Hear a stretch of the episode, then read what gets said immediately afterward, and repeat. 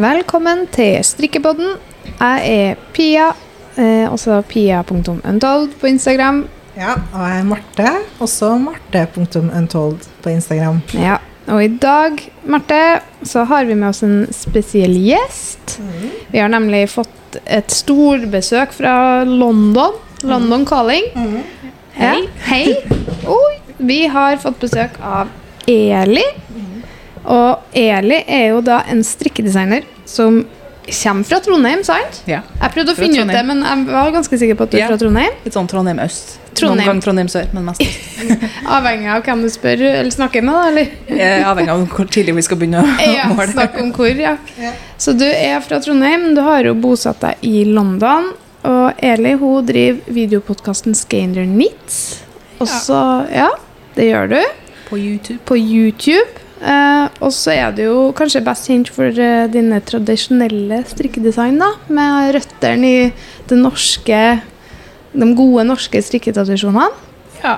Det har kanskje litt med nostalgi å gjøre. At når man Ja. bor i utlandet lenge, så Eller lenge, det tok meg mindre enn et år å begynne å savne norsk strikk. Ja. Så det kom litt derfra, da. Og så opplevde jeg at det var kanskje ikke så mange som følte at de kunne strikke norsk strikk. Sånn, det var jo ikke på engelsk, og der var på engelsk, og var det ikke skrevet på en måte som folk skjønte. Så da var det sånn. Kanskje jeg skulle undervise i det, så begynte jeg å undervise i det, og så ble det mønster som jeg måtte undervise i. Eh, Og så ble det mønster som jeg kunne undervise med, ja. og så la jeg dem ut, og så begynte det noe sånn.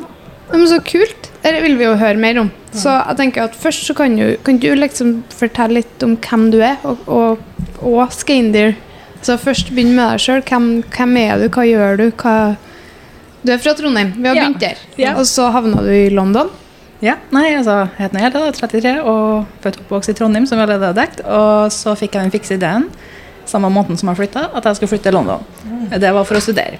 Ja. Og det har jeg gjort. Så nå har jeg tatt bachelor og doktorgrad i ja, kognitiv psykologi, psykologiforskning. og eh, Det er litt trått å ta doktorgrad, så da begynte jeg å prokrastinere en del. Og plutselig så har man strikkebusiness. Ja, ikke sant? Plutselig.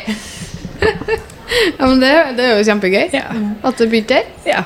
Eh, Så jeg sitter jo og lurer på hva jeg skal gjøre med denne graden jeg har nå, for det er egentlig veldig artig å drive med strikking. Og det, det går jo eh, opp og ned, men det går. Så Ja.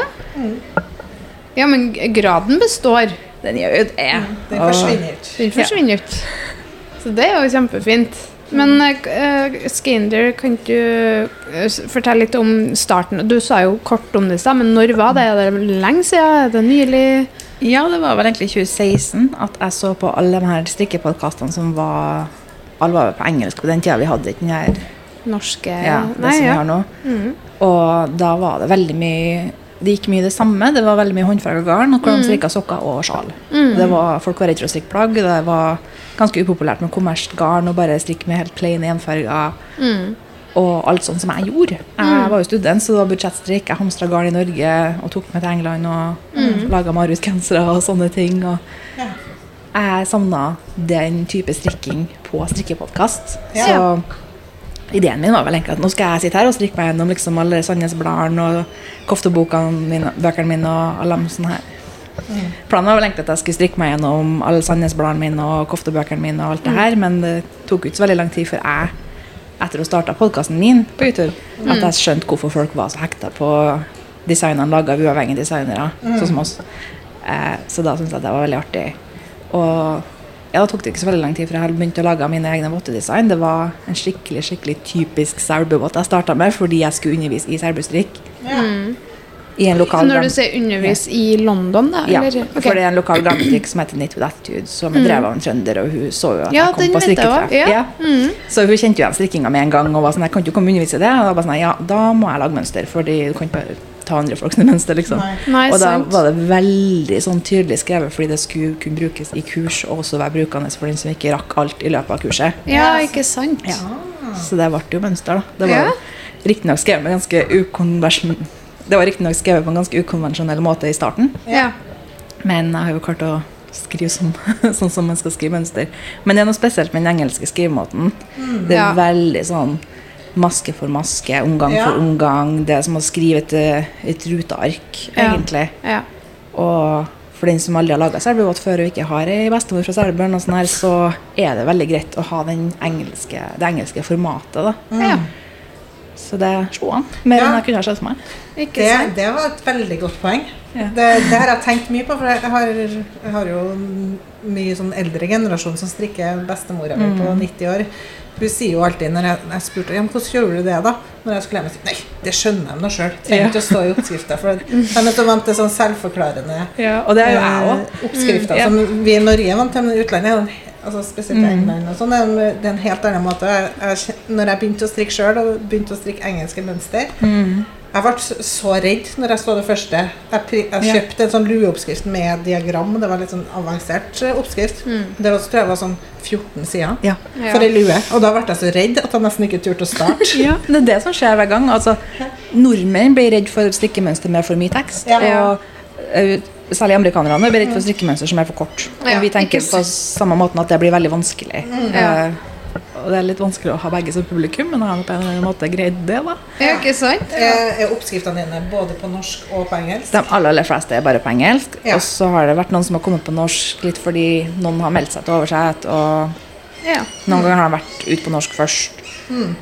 det hender at jeg får noen furte meldinger om at 'jeg kjøper mønsteret ditt, hvor er den norske utgaven?' Jeg bare, Det finnes ingen norsk utgave. Nei. Det står på engelsk før du kjøper, så klart det er på engelsk. Men jeg opplever jo at norske strikkere som er veldig usikker på engelskskrevne mønster, så fort de begynner Veldig mange som med Steven West. Så fort de liksom bare knekker den koden med første mønster, så ser de seg aldri tilbake og bare er så glad at de hopper i det. da For det er noe med den engelske skrivemåten som bare du kan litt skoleengelsk, så går det så mye enklere. Det er jo stort sett halv, og du skal jeg, bruker å si at folk har ikke lyst til å strikke for å lese. Hvis vi vil strikke, vi har ikke lyst til å lese lange tekster, så Nei. de er fortsatt skrevet på en veldig konsis måte. da Ja, og så er det noe med at jeg tror liksom den tradisjonelle måten å skrive mønster på Her så står det bare 'øk så og så mange masker'. Ikke det står sant. liksom ikke hvordan du skal øke, Ja. hvor, hvor mange masker mellom hver økning. Det er jo veldig Men jeg føler at kanskje de fleste moderne designere går i den retningen. At vi Ja. forklarer mer og mer. Jeg opplever det, òg. norske designere som bare skriver mønster på norsk, begynner å skrive mer på den engelske måten. De får med seg mye mer ferske stykker på den måten. Så for den som aldri har vært borti engelsk mønster, jeg kan jo gi et eksempel på eh, hva som er litt sånn typisk norsk og typisk engelsk. Eh, på norsk så kan vi skrive feil på hver side til du har så og så mange masker. For eksempel. Det kan kanskje stå hvor mange ganger du skal feile, men det står liksom ikke sånn skikkelig punkt for punkt, sånn som det er på engelsk, hvor det står strikk en maske, strikk to sammen, strikk til du har tre masker igjen på vinden, og SSK, eh, strikk en maske, for eksempel. Det er såpass liksom maske for maske og omgang for omgang. da. Ja, ikke sant? Ja. Jeg merker jeg sjøl har sansen for den måten å skrive på.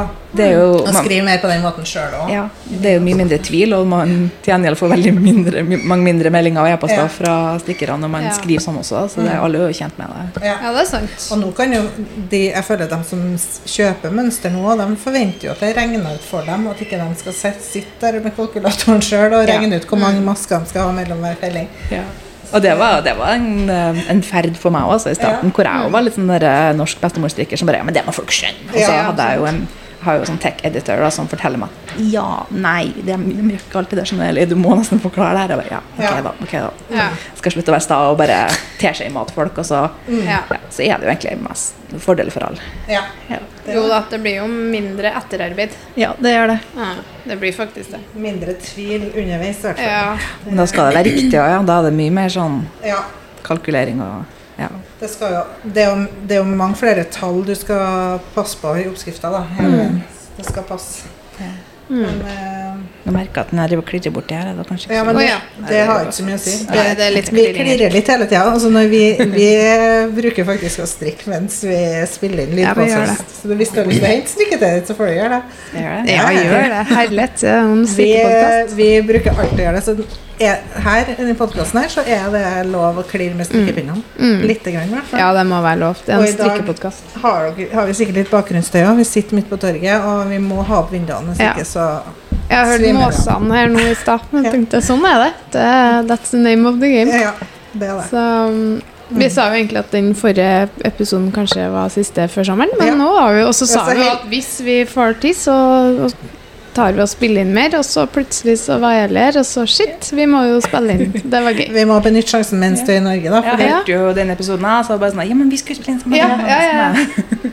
Nei, det var bra. Det var veldig bra. Mm. Mm. Men du strikker på Du tok du fram strikketøyet ditt. Det var jo Ja. veldig fin farge. Tusen takk. Ja, Skikkelig det er nesten blå. litt sånn blåfarge jeg assosierer med dere. Ja, det var det. Vi har Ja, litt ja, har- neste vegger. Her Ja, har den den er skikkelig, blå skikkelig blå. flettestrikk. Er det eget design? Ja. Jeg, jeg har vært på skikkelig kul strikkearrangement på Osterøy, og da var vi en del designere som har samla oss for vi skal lage ei bok. Ja, Også, det er kult.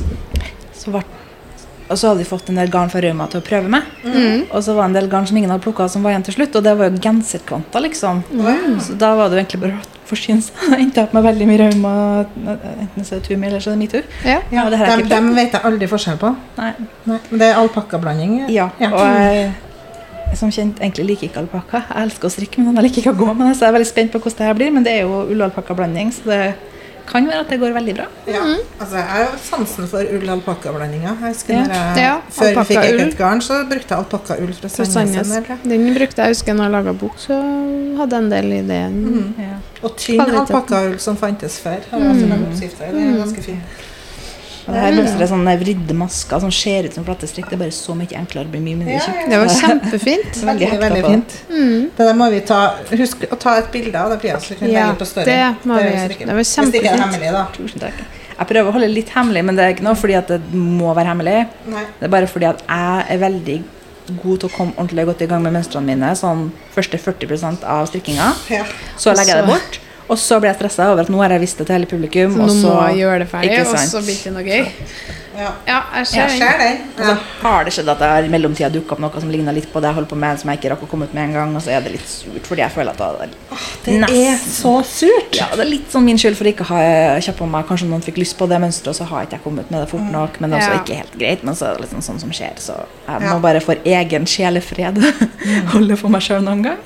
Ja, det skjønner jeg. Jeg har også nettopp faktisk hatt en sånn en, hvor jeg bare lagt fra meg helt et design som jeg var nesten ferdig med, for at det kom noe lignende. Så jeg bare Søren! Ja. Hvorfor la jeg ut bilde, liksom? Men samtidig så har jeg lagt ut bilde og vist at jeg har Ja. laga det òg, men ja. Jeg tenker at Noen ganger så må bare det være greit, men det kan være greit å snakke med den andre designeren om det. Fordi vi som designer vi forstår ofte at det er sånn som skjer, og Ja. at ting kan komme til å ligne. og Så lenge vi ikke gir det ut på akkurat samme tidspunkt og mm. gir hverandre litt sånn monopol på det når det er nytt, så Det er sant. er det greit. Så lenge vi vet med oss sjøl at vi ikke faktisk har aktivt kopiert noen. Kopiert, ja. ja. Ja. Jeg bare har det med å miste motivasjonen på det. Akkurat det. Ja, Så det skjer det. jeg mister gnisten litt. Ja.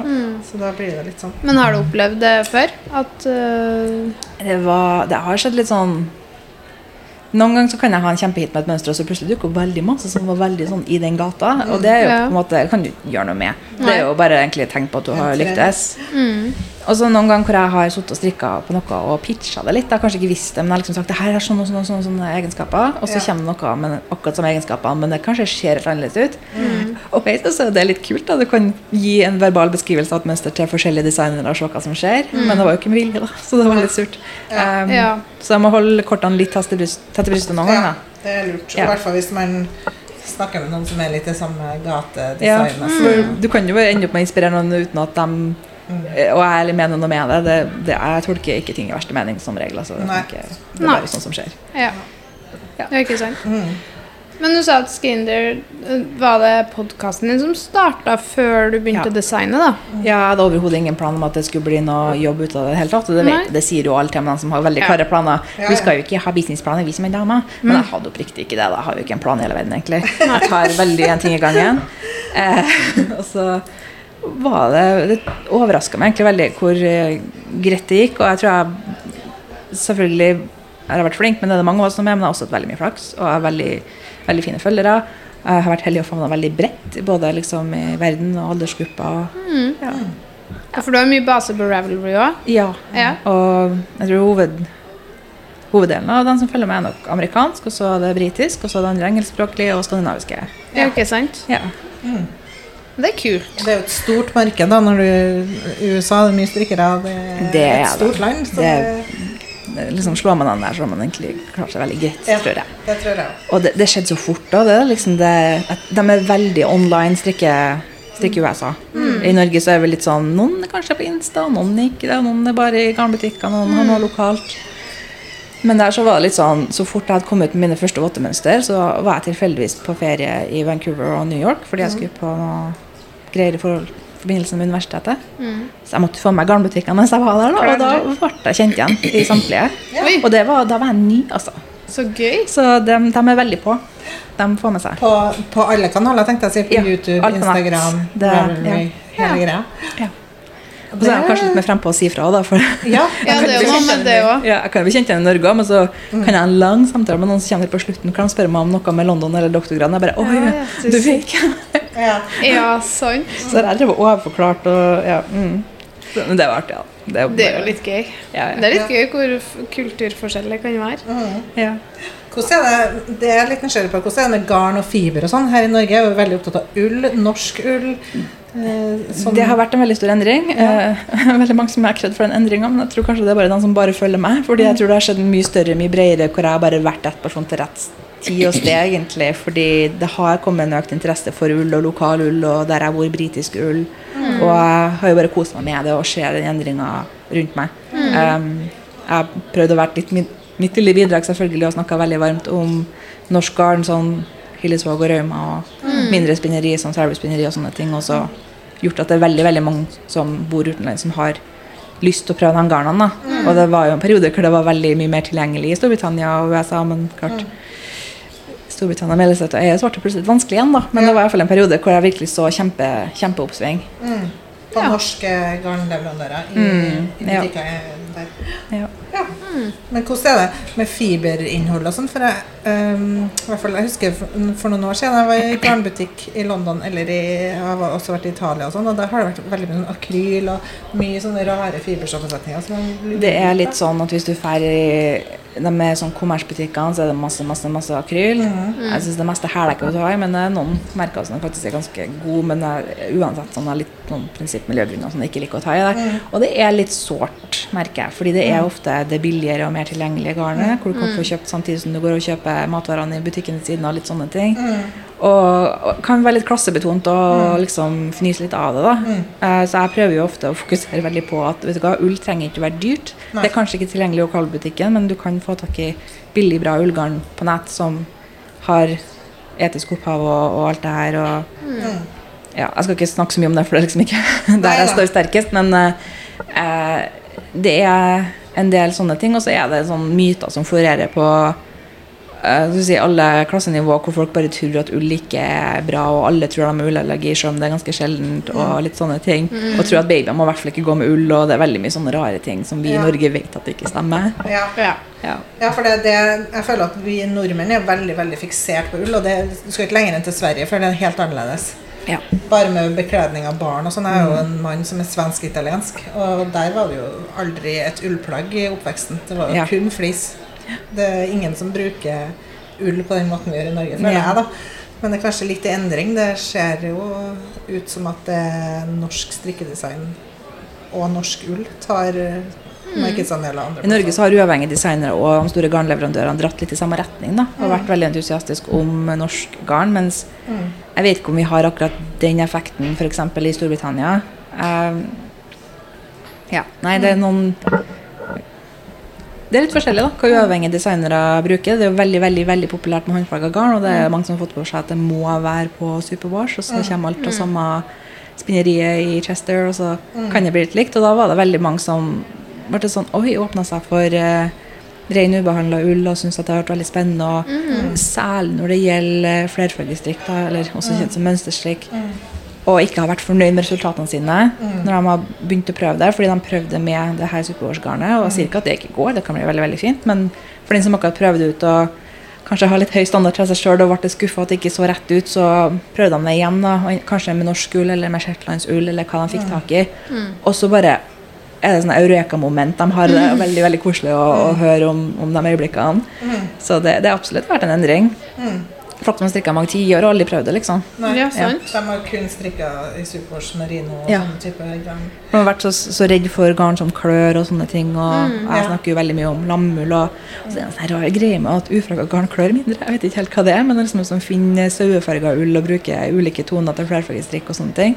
Det er ofte mye mykere. Så det, det er mye der. Ja. Spennende. Hva, hva er ditt favorittgarn, og hva strikker du mest i? Åh, det er så vanskelig å velge. Eh, Det er litt sånn, eh, refleksen min er jo å si finull, men så er samtidig favorittspinneriet mitt Hillesvåg. Så jeg er veldig glad i eh, Sol og Vilje, det er lammullbasene deres. De er kjempemyke. Det går jo ikke an å ikke elske pelsullene deres. Nei, og de nye garnene med Luna Vandre og Vidde Ja. er jo kjempefine, så det er liksom Det er litt vanskelig å velge bare én. Mm. Det ser jeg, altså. Men det er definitivt at jeg klarer å gjøre mest forskjellige ting med. Ja. Det er jo alt fra liksom store luftige sjal til skikkelig tettstrikka votter og kofter og plagg, og det er veldig veldig anvendelig. Ja, så er jo alle fargene man kan tenke seg i hele verden. Ja. Det er jo sinnssykt mye farger. Eneste jeg ikke greier å lage med det er sokker, liksom. Det går til alt. Ja. Ja. Ja, nettopp. Hvor, hvor kjøper du garnet ditt? Kjøper du garnet ditt i England eller i Norge? Jeg hamstrer i Norge. Ja. Eh, det var som sagt en periode hvor det var veldig lett å få tak i. Det, de selger fortsatt pelsuller til Hillesvåg på Nitwood Attitude. Nå skal ikke jeg drive gratisreklame for dem, men de gjør nå det. det skal de ha. Uh, Isolda pleide å selge Raumagarden helt til eh, brexit skjedde, dessverre. Um, men jeg hamstrer i Norge. Jeg fyller kofferten. Og får uh, noen ganger også folk til å sende til meg. Eh, men jeg liker jo også utvalget som vi har i Storbritannia. Det er jo, alle garnbutikkene har jo forskjellige garn. Det er jo ikke sånn som her hvor du egentlig får de samme merkene i alle butikkene. Eh, så det er jo veldig artig også. Mm. Så det er veldig mange jeg liker. Der er jeg veldig glad i Shetlands garn, sånn Jameson og Jameson og Smith. Mm. Ja. Mm. Ja, det, det er litt sånn spesielt her i Norge at du har noen veldig store produsenter som har veldig stor del av markedet. ja. Mm. Så det er veldig artig i England. er mange små spinneri og folk som satser på å lage eget garn og jobber kanskje med store spinneri for å ha sitt eget merkegarn. Sånn, jeg liker veldig godt de nye garnbasene til Susan Crawford. Eh, jeg er veldig inhabil, for jeg er en god venn av henne. Men uh, det er skikkelig skikkelig fint garn. Og hun har til og med laga en ikke-superwash-base med nylon som man kan lage sokker av. Jeg gleder meg så sjukt til å bruke det. Ja, ikke sant? ja, det er mye bra der. John Arben er en kjempestor favoritt i England, så det er Hvordan er det selges de garnbasene her i Norge? Jeg har ikke sett det noen plass. Som jeg Vet du hva, jeg tror John Arben kunne ha slått an i Norge hvis de Ja. begynte å så- sende hit, altså. For de har sånn kjempe sånn smørmjuk Falkland merino. Åh. Ja. De har nesten begynt å blande med litt uh, Blueface Lester nå, for det var nesten litt for mjukt. Så Ja, Såpass, ja. For Nei, å få litt mer hold, ja. det er godt garn. Ja, ja det, det er mye fint garn. Jeg husker når jeg starta å strikke, så drev jeg og bestilte garn fra USA. Sånn, for Mm. Det var akkurat en spesiell fargenyanse jeg skulle ha. Eller noe, Jeg var helt sånn besatt av farger. Da. Så jeg skulle Mm. ha akkurat den nyansen. Betalte jo Masse penger. i mengder, men eh, Ja. får man en fiksering, så får man det. Og så skal det sies at jeg mangler ikke garn. Det er noe spørsmål om hvor jeg kjøper garn, så i det siste har jeg faktisk vært veldig flink å strikke fra lageret, for det eh, veier flere ganger min egen kroppsvekt. Så det, der kan jeg godt uh, shoppe litt i min egen hylle. Ja. Ja. ja, for du er en hamstrer. Du, du Ja, ja. handler og Vi bruker å si det at det er to forskjellige hobbyer, det å strikke og det å samle garn. ja, ja, det er sant. Det er faktisk sant. ja. En fordel hvis du strikker, men eh, Ja, ja. ja. Men det er gøy. Har du stor Hvordan bor du i London? Jeg bor i et kollektiv på to. Jeg er Ja. litt trist akkurat nå, fordi hun har bodd med i to og et halvt år, har flytta ut. Mm. Og savner hun kjempe, kjempemasse, men hun skulle selvfølgelig få lov til å starte en ny kapittel i livet med kjæresten sin og Ja. sjøleid bolig. Ja. Eh, men ja, nei, vi har hatt det kjempefint sammen. Hun var jo strikker, hun òg. Hun er strikker ennå, altså. Ja. Eh, så det var veldig trivelig. Så vi har kjempe, kjempestor uteplass som er veldig uvanlig midt i London. Ja. Masse, masse planter, og jeg håper de har overlevd mens jeg har vært her. ja. Men ja. Så er det en to soverom, så er ei stue. Det pleide å være tre som ingen stue, men de ble så lei av lockdown at jeg bare ga dem en smak av egen medisin, så de bor ikke der lenger. Nei. Nei, sånn ikke sant. Veldig deilig å ha stue, da. Ja, nei, det var veldig, veldig fint å få. Men jeg kjenner at jeg er klar for et nytt kapittel også, hvor jeg kan bo litt for meg sjøl. Ja. Og eventuelt folk jeg velger å bo med. Ja, Så ja, nei, jeg er litt uh, blitt for gammel til kollektiv, kjenner jeg. Ja. Ja da, det er alltid sin tid. Det er noe med det. Mm. Men lever du av strikkinga nå, eller? Jeg gjør det. Du gjør det, ja? Eh, Det skal være litt sånn, litt sånn sår og følsom. Altså, har det vært litt vanskelig i det siste. Ikke fordi det er noe galt med markedet, men fordi det er noe galt med hodet mitt. Så jeg syns motivasjonen har vært litt vanskelig i det siste. Mm. Og prøver å minne på meg selv at jeg er så heldig å få lov til å drive med det her, fordi det er så kult. Jeg kunne ikke tenkt meg en annen jobb i hele verden. Det er liksom Jeg får lov til å holde på med altså, Jeg syns det er så artig med alt fra å strikke til å sitte med regneark og lage et bredt utvalg størrelser. Alt det her er kjempeartig, men jeg sliter veldig mye med sosiale medier-delen av det for tida. Ja. Det er litt tungt, og det er litt tullete. Fordi 99,9 av følgerne mine er verdens fineste mennesker. Mm. Det er bare det at man husker så lett den der lille promillen av folk som er litt sånn nebbete. At jeg ble kanskje i lockdown, hvor det var på en måte et stor del av mitt sosiale nettverk, da, ble litt mye. Og jeg prøver å finne løsning på den litt sånn sosiale medieutbrentheten, da. Mm. Som Ja. kanskje flere har kjent på. Jeg vet ikke. Ja, Oh, ja, det går veldig opp og ned, det der. Ja, jeg tror det har vært vanskelig også, fordi jeg driver Scaner helt alene. Mm. Det er liksom bare akkurat stort nok til at jeg kan livnære en person. Så det har vært litt vanskelig. Jeg trenger nok litt hjelp. Jeg må prøve å finne ut av det. Og, ja. Det er jo så veldig personavhengig når man driver sånn òg, som både du gjør og vi gjør. Da. Det at Ja. Du må liksom være til stede sjøl, Det må er være på. Og det, er du ikke det, så selger man jo heller ikke like mye. Så det er jo litt sånn, det er veldig sårbart Ja. sånn sett. Og det er litt sånn parasosialt aspekt Mm. ved det òg, det, for de som ikke vet hva det betyr. Det er litt sånn, betyr at man føler at man kjenner dem man følger, Mm, mm. eh, men det går bare én vei. Mm. Og jeg kjenner veldig på det, at da har kanskje folk forventninger til meg som person som jeg ikke klarer å innfri. Mm. Fordi jeg er ikke den personen de føler at de kjenner. Nei. Eh, ikke fordi jeg har gjort noe galt eller uautentisk, eller noe sånt, men det er litt sånn, vi kan fort finne på ting i, eh, i hodet vårt som vi tror om denne personen. Vi har jo en tendens til å tro at vi er mer lik andre personer, andre personer er mer lik oss. Det er en sånn her psykologigreie. da. Mm. Så det at jeg er så klar over alt det her, gjør det litt vanskelig. Og Mm. ja. Jeg, jeg prøver jo å være veldig autentisk for å slippe det, da. Eh, ja. Men da blir man litt sårbar òg. Ja, man blir jo det.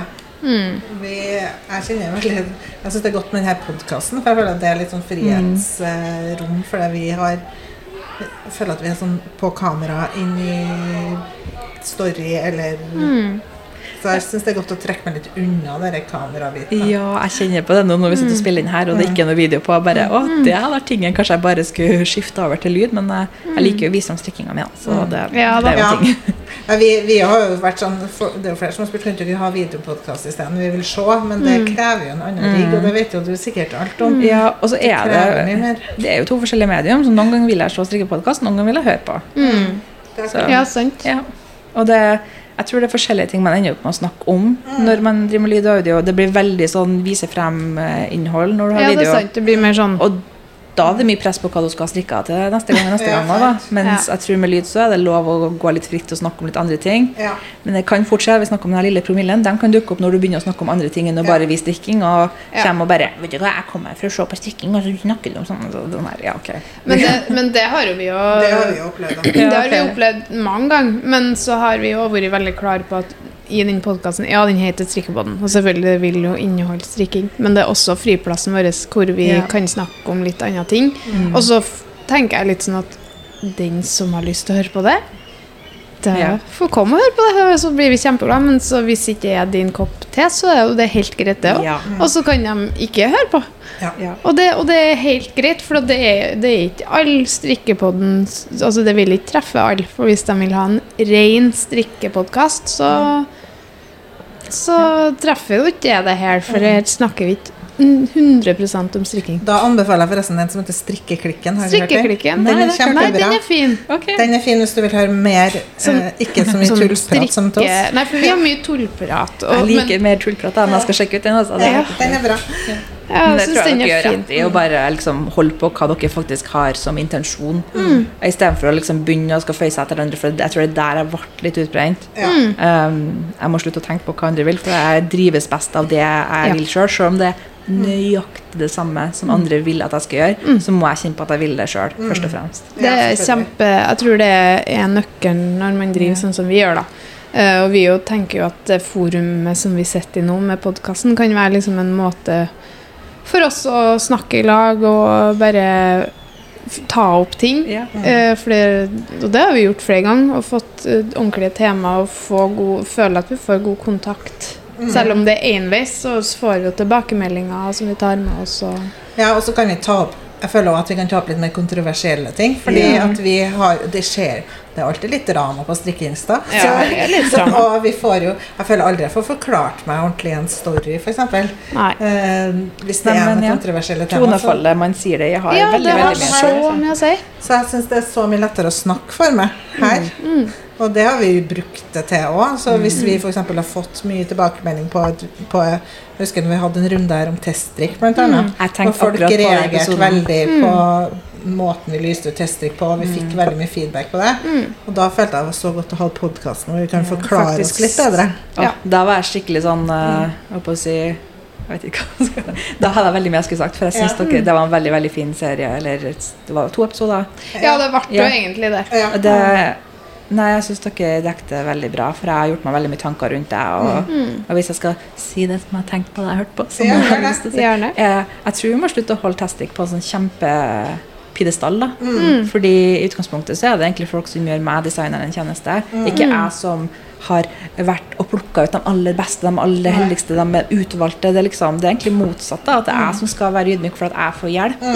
Så det var litt sånn det jeg satt igjen med, at når Ja. folk har så mye følelser rundt det og ikke blir valgt, så er det sånn her Jeg tror det er feil måte å tenke på det på, da, for det Mm. Men jeg skjønner det, da. Jeg skjønner det veldig godt. Jeg, Folk ser det kanskje mer som en premie Ja. eh, enn Mm. Ja. som en jobb. da. Mm. Og jeg ser det som en jobb. Og for Ja. oss som er så små, så er vi helt avhengig av å ha den, eh, Mm. dem som faktisk hjelper oss på best mulig måte. Mm. Ja. Og vi er ikke store, vi kan ikke, vi har ikke et ubegrensa budsjett. Bare det å gi garn til Testrik er jo en Mm. kjempestor utgiftspost. Ja, det er det.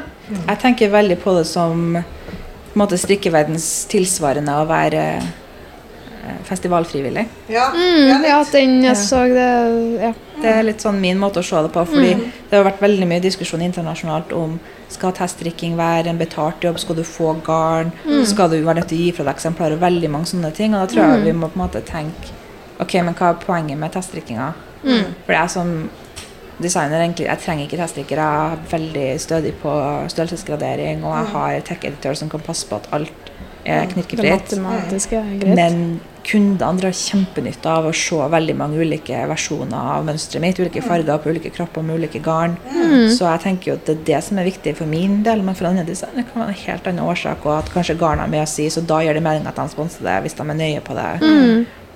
Og det har så mye mer med det å gjøre da, enn å liksom Mm. plukke ut en sånn slags strikkeelite. For det tror Ja. jeg ikke stemmer. Og de som driver sånn, ja, de, de driver noe da, men jeg tror ikke det er representativt. Jeg tror ikke det er meg. Og jeg tror heller ikke at de fleste større garnhus de teststrikker jo ingenting. For de har jo, har jo redaktører som regner over alle tall, og det stemmer jo stort sett. Og gjør de ikke det, så sender de jo ut korrigeringer på ting. Ja. Mm. Så det, det er jo små designere som driver og teststrikker. Det er Ja. ikke de her store Sandnes-barna og alle de. De driver Ja. ikke og teststrikker alt i alle størrelser. Og så hører jeg veldig mange som sier ting som at ah, det mønsteret her kan jeg lese gjennom, og det tror ikke jeg blir teststrikka. Nå». Altså, jeg- Mm. Det har som regel ikke noe med testdrikking å gjøre hvis det er feil i mønster, fordi testdrikkerne er ikke liksom, faglært eller noe sånt. Nei. De bare nevner det som de tilfeldigvis har plukka opp. Mm. Eh, Det skal være korrekturleser som plukker opp sånne ting, så Mm. når man ofte oppdager sånne feil, så har det ikke så mye å gjøre med om det var testa eller ikke. Det har noe med å gjøre om man har hatt Mm. mer enn et par øyne på mønsteret. da. Mm. Det er akkurat det. Og det kan skje likevel, da. Det skjer Ja. med alle. Ja, det har Det det. fins jo ikke feilfrie hvis, strikkebøker. Nei, nei, nei. Ja. eh, hvis noen lurer på hvilken episode vi, snak, vi snakka om teststrikk, så kan jeg si at det var den i februar, 9. februar, episode 42.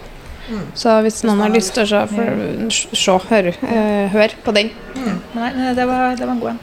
Så bra. Det er godt å høre, for vi var, satt jo liksom sånn Å, gud, nå bare, nå bare datt hjertet Altså det vi Ja. hadde på hjertet, det vi mener, men samtidig så føltes det veldig greit Og, Mm. Si litt om det. Ja. Men eh, skal vi se Det er jo veldig artig at du er her, og at du lever av det. Du, men har du, vil du si at flesteparten av kundene dine er i England Nei, du sa jo Er det USA, liksom? Som det går an å få se en oppdeling på Ravelry, og det er der jeg selger mønstrene mine. Ja. Jeg har jo sagt i flere år at jeg skal sette opp egen nettside for den som Mm. av en eller annen grunn ikke bruker Ravelry. Ravelry. Jeg har bare ikke kommet så langt, fordi Nei. jeg er litt utbrent. Eh, det er veldig dårlig idé å ta doktorgrad og drive eget selskap samtidig. Anbefales overhodet ikke. Nei, det kan du si. Ja. Men ja, nei, så det er mest USA, så Storbritannia, så det er liksom andre engelskspråklige og Skandinavia som Mm. jeg har kunder fra. ja. Så sp- kjempespennende start å høre mm, liksom, hvordan det er der du holder på. Du er jo norsk, og du er jo trønder, men samtidig så er det liksom en helt annen Det er det eneste som er helt vanskelig med det, at man må virkelig ha følerne ut for det som er mye av de her eh, diskusjonene i USA, for det er såpass splitta Ja. land, og du skal virkelig være veldig sensitiv for akkurat det der, og hvordan de tar ting. Og heldig for meg så er jeg veldig interessert i det. og Jeg har veldig stor interesse i politikk og en del sånn sosiale rettighetsspørsmål, men det er veldig mye sånn jeg må vite om USA, som de på ingen måte vet om oss. så det går veldig enveis, da. Ja. Men det, det er så lett å tråkke salaten hvis du ikke vet nøyaktig hva som foregår til enhver tid der. Så det, det er litt slitsomt. Ja, og så er det vel jeg har inntrykk av at det, det er forventa at man er engasjert, og at man tar et standpunkt. Ja, at Tar du ikke et standpunkt, så blir det også helt feil. Ja, og jeg tror det var kanskje en av delene hvor jeg ble litt utbrent, fordi som jeg sa, jeg kan være Sjøl om folk vil nøyaktig det samme fra meg som jeg vil sjøl, så er det bare det å kjenne mer på hva andre vil, enn hva jeg sjøl vil, ødelegger litt motivasjonen. Så sjøl f.eks. vi snakker om det med størrelsesinklusivitet, som jeg er veldig veldig opptatt av, bare det å få det her eksterne presset ødela det litt, sjøl om jeg allerede gjorde det folk ville at jeg skulle gjøre. Ja. Og det, det er en sånn her greie som bare er min personlighet, at jeg må kjenne på den indre driven og prøve å stenge ut andre, sjøl om vi er fullstendig enige. Ja. Og så er det, det, kan jo være litt sårt, for jeg merker jo hvis jeg vet at jeg er opptatt av en ting, og vet at jeg gjør mitt beste, og så får du likevel noen sure kommentarer på det, liksom, så er det sånn Ja, men jeg har jo prøvd. Liksom, jeg prøver. Så det, er- det er vanskelig å gjøre alt rett. Mm. Det er et veldig, veldig eh, Jeg føler at det er et sånn høyt krav til er designere. Sånn at alt skal være riktig. Mm. Det skal være Du skal mene de rette tingene. Liksom Ja, og jeg tror folk glemmer kanskje litt av sånn, sånn som meg, sånn, jeg sitter og jobber ut ifra soverommet mitt. Det er ikke noe stor produksjon. Nei. Jeg, jeg kan ikke være på nett hele tida. Jeg følte noen ganger at det var straffa seg å ikke sitte på Instagram 24-7 for å få med seg den minste lille story som forsvinner etter 24 timer. Liksom. Det, var, ja, det kan være litt høye krav for folk som driver helt alene. og eh, I motsetning til de kravene som vi ikke gir til store store aktører. Ja, Så, akkurat det. ja. Jeg føler at det er på en måte strengere krav til eh, eh, små aktører. Og jeg, jeg føler også at eh, damer er ganske gode til å dømme hverandre. Det har nok litt med det å gjøre òg, ja. Og den er jo veldig vanskelig når det er på en måte Det er så lett å påpeke når det er menn som gjør det mot damer, men når det er også ja. mot hverandre. Mm. Det er så hardt, liksom. Så, Ja. Det blir litt sånn vi må ta litt sjølkritikk, og Mhm. så må vi være litt gode med hverandre og sånn at vi er i samme båt. Og det er litt sånn ja, ja. enig. Og at det Eh, også er ulike utfordringer for mm. ulike folk innenfor den store store gruppa som er damer. Selvfølgelig. Må bare si det òg. Det er det. Det er det. Altså, det er jo mange som, som skriver og klager, og det kan være de samme som går igjen også, som Mm. er litt sånn Men det er bare én. Man må liksom prøve å huske da, at det er bare den ene Ja. prosenten. Og at resten er vel stort sett fornøyd. Ja. Jeg husker jeg hadde en periode det, Jeg husker ikke konkret hva det var, men det var før tolv og sånn, men når jeg drev sjøl, så jeg husker at det var en periode der det var veldig mye Det var mye backlash på ting Ja. som bare ikke var Og så husker jeg tenkte sånn, men jeg gjør jo ting av godt Altså, jeg følte at folk trodde at jeg gjorde ting av Med vilje. for med å være- vilje eller for å være Ja. slem. Og jeg ble sånn «Ah, jeg, jeg er ikke en slem person. Sånn, det føltes så fælt. For det er sånn, men jeg fikk ikke å stå for det. Jeg ble sånn, jeg, men jeg husker Ja. ikke hva konkret det var, men det var, Det var en del følelse det året. Altså, at jeg, liksom, jeg klarer ikke å ordlegge meg rett, fordi det er en sånn Det var veldig sånn sterk amerikansk kultur rundt det, og måten vi ordlegger oss på i norsk kultur, bare, det passa liksom ikke helt. Og det er så vanskelig å sette fingeren på akkurat hva det var. Men det var en sånn ting som var lettere å, å snakke om når man hadde lyd og bilde og fikk fram tonen og litt sånne ting. Mm. for eksempel, jeg tror vi på norsk kan være litt mer direkte, og det kan ofte ses på som veldig feil. For eksempel, ja. blant engelskspråklige. Og det er litt sånne ting som det var litt vanskelig og når folk leste tonen mer enn hva du sa. ja. Og lurte veldig på om du mente det du sa, eller om du ga etter for press. Og det var litt sånn Ja, nei. Det er ikke så lett på internett alltid. Nei, det er Og det er faktisk ikke det. Og det um, Og så er det ikke alle Ja. som er oppriktig i det de sier. De prøver faktisk å starte en, en greie. Ja. Eh, Det er noen der, og det er veldig vanskelig Ja. for meg å vite, vite hvem det er. hva som er hva. Og, og jeg, jeg vet med meg sjøl at jeg står veldig mye på samme side som eh, de her kritikerne, og er enig med dem, men jeg har også en tendens til å bare deise rett ut i salaten. Og det å vite med meg sjøl gjør meg også veldig engstelig. Uh, så ja. Er redd for å si noe feil, liksom? Eller Ja. gjøre trå feil? Ja. Og jeg var jo så redd for det, men så har jeg jo innsett etterpå at jeg fikk jo kanskje litt rykte på meg for å være hos Geinderhud hun på rett side av ting, og hun bra, ja. Og så var litt sånn her Å, herregud, jeg ble så redd for den pidestallen. For der er, det, der er det bratt å dette ned igjen. Liksom. Så kjente jeg litt på at det ble litt feil òg. At jeg skulle sitte og tjene på det her sånn forretningsmessig. At jeg sto på rett side av ting. Og det skjedde litt sånn bak lukka dører. At jeg fikk tilbud om sponsorer og sånn. For folk som mente at jeg sto på rett side av ting. Og det var sånn, ja, men det her er ikke ting som personlig påvirker meg. Og det føltes så feil å skulle tjene på det. Så jeg endte opp med å bli litt egentlig litt mer stille om de her tingene, som egentlig er veldig opptatt av dem. Og det var, jeg, jeg slet litt med å finne balansen. da, Hvordan jeg skal gjøre det her på en måte som ikke blir enten for personlig eller for utnyttende, egentlig. Ja. jeg har ikke helt funnet svaret, da. Men jeg, jeg håper folk bare er trygge på at de kjøper fra et forholdsvis etisk veldig lite selskap. Ja, det er akkurat det. Ja. Ja, Det, det er mange små selskaper som kanskje virker store, men det er bare få folk som driver det. Ja, nei, 99% av liksom, altså Helt frem til vi fikk stue under lockdown, så satt jeg med laptop i fanget i senga og jobba med skinner derfra, liksom. Ja. Og sånn var det eh, særlig det året. Da jobba jeg kanskje mest fra kafeer til og med fordi det var litt dårlig stemning hjemme. Ja. Ja. Ja. Nei, det, det Ja. Mm. Det er noe med det også. At, mm. og så tror jeg at jeg har i hvert fall kjent på det. Kjent, nå har jeg jo vært på internett, skal jeg si, på Instagram og holdt på med branding på seg sjøl i mange, mange år. Eh, Så jeg har liksom kjent på det at eh, til slutt så har jeg litt fått litt den holdninga at vet du hva, jeg må bare Jeg kan ikke For det var så mange år jeg brydde meg om hva alle mente og sa og trodde og følte. Og til slutt måtte jeg bare, for at jeg kunne fortsette med det, så uh, måtte jeg bare stole på instinktene mine. At at det jeg kommer ifra, det står jeg for. Uansett hva det skal være. Uh, og så være autentisk. Og er jeg det, så kan ikke noen ta altså Da kan de enten ikke like meg eller ikke, og så får det være greit, for at man kan ikke på en måte please alle. Ja. Uh, men så lenge jeg vet med meg sjøl at jeg opptrer på en måte som Det er meg, da. Ja. Og det, og det har jeg prøvd å være Eller det har jeg vært tro til hele veien. Og da har det blitt lettere å, å takle det òg, fordi at. Og så blir man gamlere, og så bryr man seg mindre.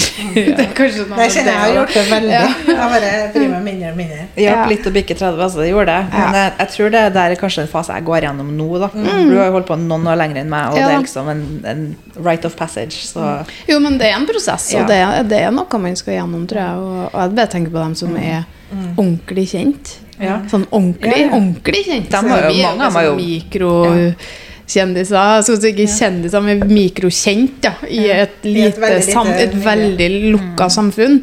Men tenk deg dem som er, er ordentlig kjent. Ja. Å gud, det er jeg glad ikke. nei, det er veldig greit å bare Ok, kanskje jeg blir kjent igjen i en gamlebutikk, men så fort jeg går ut av gammelbutikken og går inn på Ja. Rema istedenfor Så er det ingen sånn. Nei, ikke sant. Det er faktisk veldig greit. Ja, det er veldig greit. Det syns jeg. Og så er det veldig hyggelig å bli kjent igjen. Det er synes det. jeg, Det er aldri av- feil at folk kommer opp og sier hei. Nei, altså, det har det syns jeg er så koselig.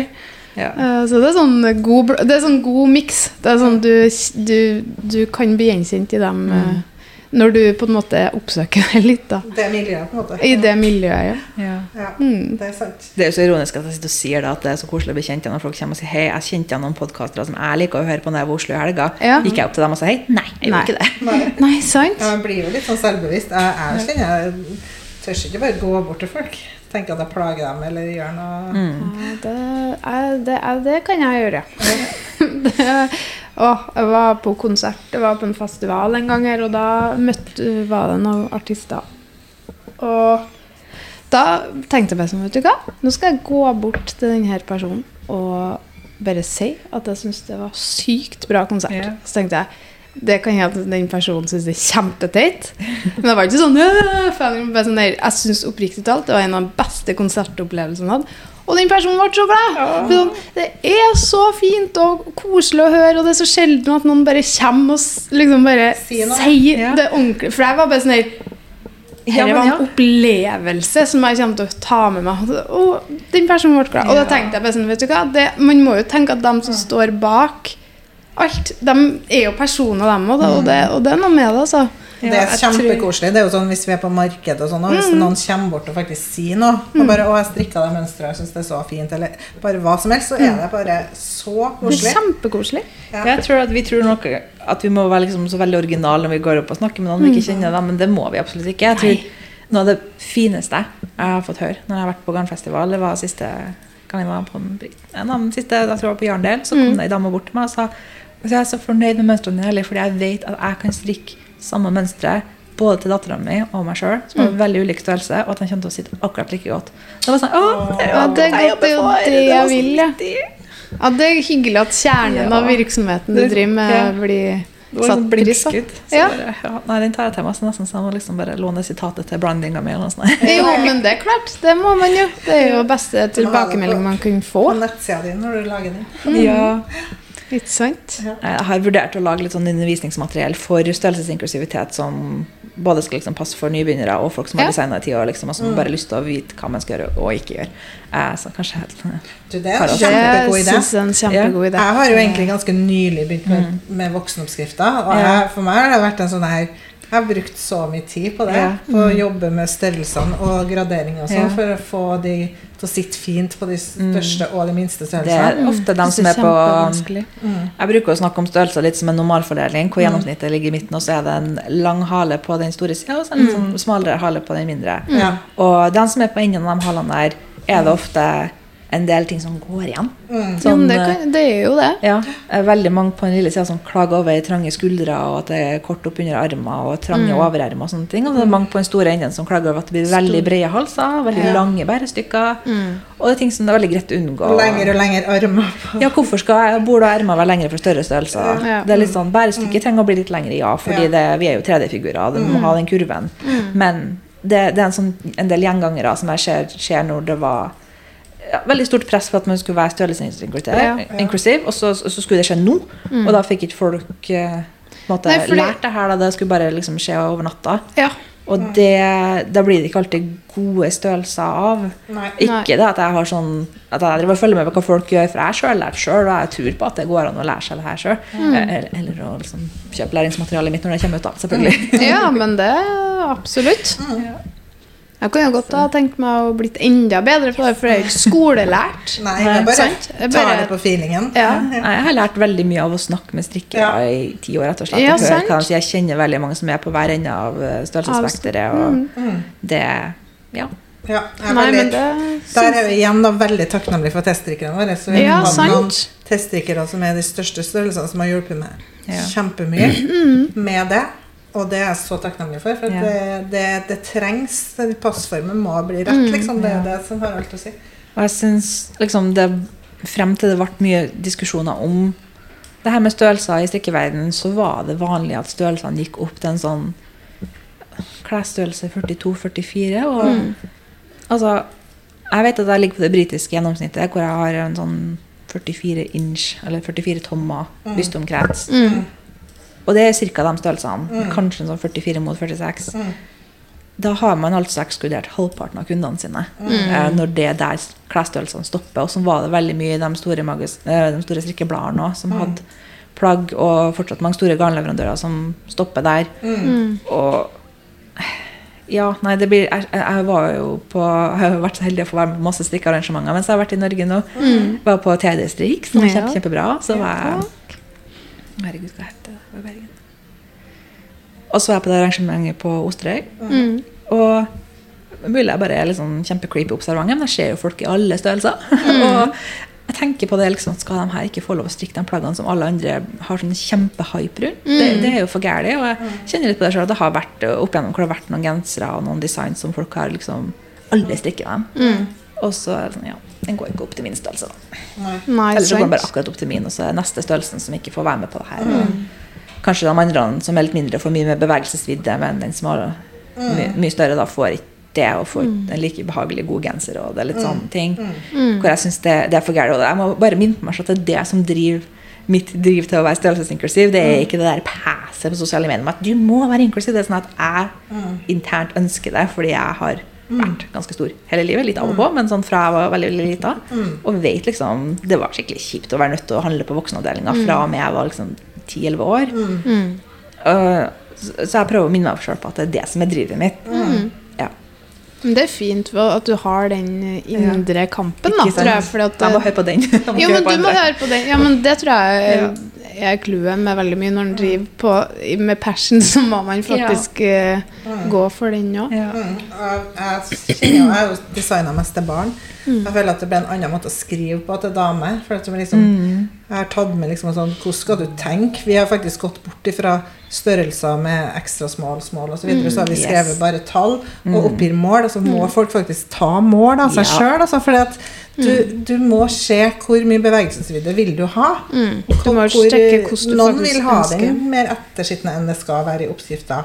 Ja. Da må du gå ned en størrelse. Vil du ha den større, Mm. gå opp. Ja, Ikke denne her bare- nummereringa har jeg tatt til orde for veldig lenge, og det er mange Ja. som kvier seg litt og syns det blir litt for dumt. De er så vant til å skrive medium Mm. og large, og jeg mener at vi gjør oss alle en tjeneste ved å nummerere dem, Mm. eh, fordi det tvinger folk som du sier, til å måle seg sjøl, Mm. og da slipper også designeren igjen å få en del sure meldinger om at ja, Ja, men jeg det er er alltid medium, og det passer ikke. Og så litt sånn, ja.